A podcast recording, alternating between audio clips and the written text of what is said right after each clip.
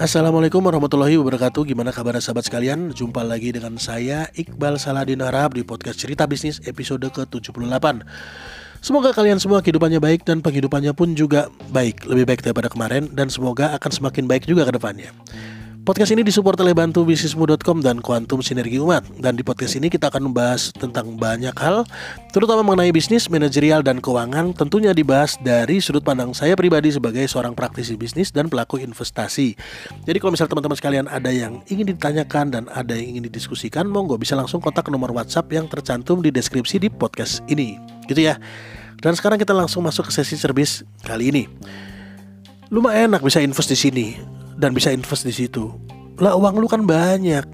Nah jadi saya sering betul ya dengar statement ini dari uh, teman-teman, dari teman-teman saya tentunya.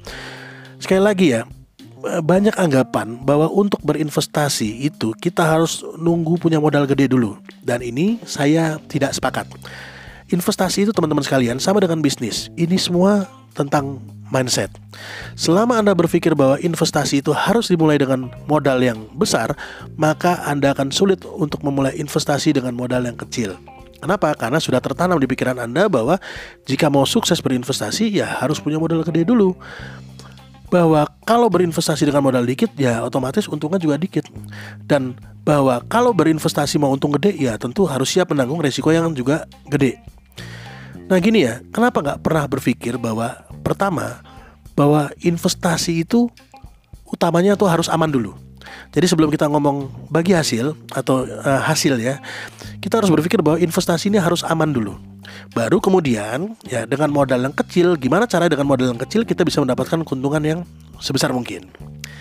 Jadi gini teman-teman sekalian, Beberapa waktu yang lalu itu ada seorang sahabat ya membaca artikel kami di websitenya bantubisnismu.com mengenai investasi dan sahabat ini menghubungi nomor kami dan ingin mengatur eh, jadwal janjian ya untuk ketemu dengan kami. Maka saya undang eh, sahabat tadi untuk main ke kantornya bantubisnismu.com di Malang.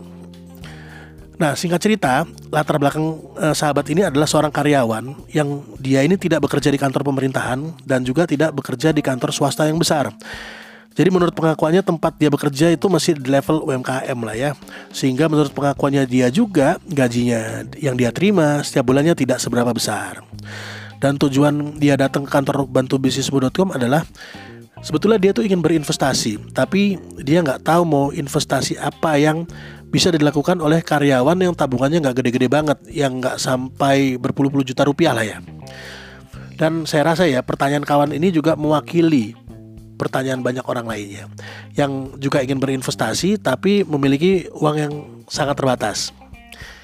Jadi gini kawan-kawan sekalian ya. Sebetulnya menurut saya investasi itu tidak membutuhkan uang banyak. Justru sebelum Anda berinvestasi, Anda harus memiliki dulu mindset bahwa investasi itu harus mulai dari sekecil mungkin. Dan harus juga memiliki mindset bahwa bagaimana cara dengan modal sekecil mungkin kita bisa menghasilkan uang sebanyak mungkin. Jadi kalau misalnya teman-teman sekalian pernah dengar bahwa butuh risiko yang tinggi untuk mendapatkan profit yang tinggi, kemungkinan besar orang yang ngomong tadi itu bukan pemain ahli di bidang investasi atau juga mungkin jadi broker doang gitu loh. Broker di bidang investasi. Yang ada di pikiran mereka mungkin ya peluang-peluang investasi biasa seperti reksadana, deposito dan lain-lainnya ya. Ya sebetulnya nggak salah juga lah. Tapi investasi seperti itu memang membutuhkan dana yang besar dan bagi hasilnya sedikit sekali dan membutuhkan waktu yang relatif lama untuk mendapatkan hasil yang besar. Sedangkan menurut saya ya ada banyak peluang investasi yang bisa dilakukan dengan uang atau modal yang relatif kecil saya lupa ya apa saya sudah pernah ceritakan di podcast service ini apa apa belum gitu loh tentang contoh investasi kambing. Tapi nggak apa akan saya ceritakan kembali uh, tentang investasi kambing ini. Moga-moga teman-teman sekalian bisa mendapatkan manfaatnya. Jadi gini teman-teman sekalian ya, biasanya lima bulan sebelum Idul Adha adalah saat yang tepat bagi kita untuk membeli kambing. Nah biasanya ya harga kambing sehat dan cukup umur itu berada di kisaran 750 ribu hingga 1 juta rupiah per ekor. Ya, anggap kita anggap 1 juta rupiah lah belinya ya. Nah langkah selanjutnya adalah kita perlu mencari peternak kambing yang bisa kita titipi kambing tadi untuk digemukkan selama 4 bulan ke depan dengan skema bagi hasil misalnya 50-50.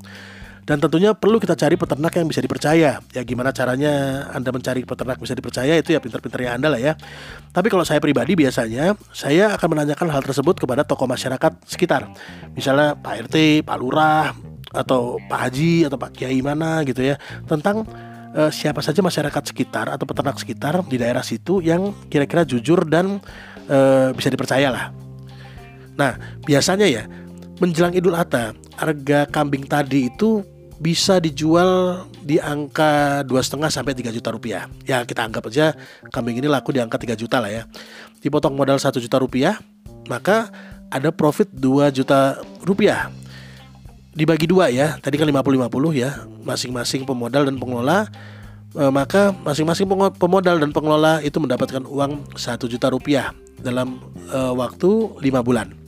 Artinya kalau misalnya kita bagi per bulan itu kan kita masih ada profit 200 ribu rupiah per bulan. Lalu ada pertanyaan kayak gini lo kok cuma 200 ribu ya? Kok dikit banget? Cuma dapat 200 ribu rupiah setiap bulan. Ya gini loh teman-teman sekalian. Kita jangan lihat dari angka 200 ribunya ya. 200 ribu rupiah itu kan didapat dari ang dari modal 1 juta rupiah. Artinya prosentase keuntungannya kan sebesar 20 eh, persen sebulan ya kan cukup besar kan dan itu juga kalau misalnya kita Eh, nitip satu kambing. Gimana kalau misalnya kita nitip 10 kambing? Modal 10 juta rupiah, keuntungannya bisa mencapai 2 juta rupiah per bulan. Dan saya rasa ya, hampir sih semua orang itu punya uang 1 juta rupiah untuk berinvestasi. Jadi pernah ada pada satu waktu ya, ada teman yang ngaku bahwa dia nggak punya uang satu juta rupiah lah untuk berinvestasi. Bahkan untuk berinvestasi satu juta rupiah aja dia nggak punya duit. Dan kalau misalnya menemukan kasus seperti itu, biasanya saya lihat dulu HP-nya uh, eh, HP-nya tuh kira-kira berapa sih harganya? Karena biasanya sih ya harga HP termurah sekalipun itu kan angkanya di atas satu juta rupiah.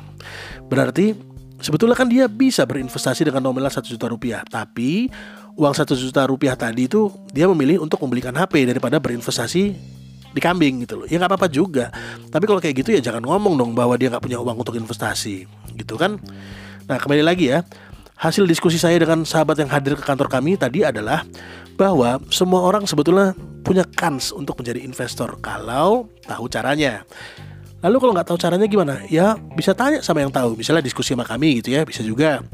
Dan teman-teman sekalian ya, ini eh, perlu teman-teman sadari bahwa ilmu investasi itu adalah ilmu terapan, sama kayak ilmu bisnis. Artinya untuk menjadi ahli di bidang tersebut ya memang kita harus terjun dan harus mengalami langsung. Gak bisa sekedar kita jago di teori terus tiba-tiba bisa menjadi investor yang handal. Tentunya nggak bisa lah ya. Dan masih banyak investasi-investasi lainnya yang bisa kita lakukan dengan modal yang relatif kecil untuk mendapatkan keuntungan yang relatif besar. Dan kita perlu belajar dari investasi yang kecil dulu gitu loh, supaya kita handal ketika kita bermain di investasi yang dengan nominal yang cukup besar gitu ya. Jadi mungkin seperti itu teman-teman sekalian uh, cerbi singkat episode kali ini tentang peluang-peluang investasi dengan modal yang kecil. So kalau misalnya teman-teman sekalian ada yang masih bingung mungkin dan ada yang ingin bertanya, berdiskusi atau mungkin juga ada yang ingin memberikan tambahan, masukan atau saran, bisa langsung WhatsApp ke nomor yang tercantum di deskripsi di podcast ini. Semoga bermanfaat buat teman-teman pendengar, terutama tentunya buat saya pribadi sebagai pengingat diri. Dan saya mundur diri dulu. Sampai jumpa di episode cerbis berikutnya. Assalamualaikum warahmatullahi wabarakatuh.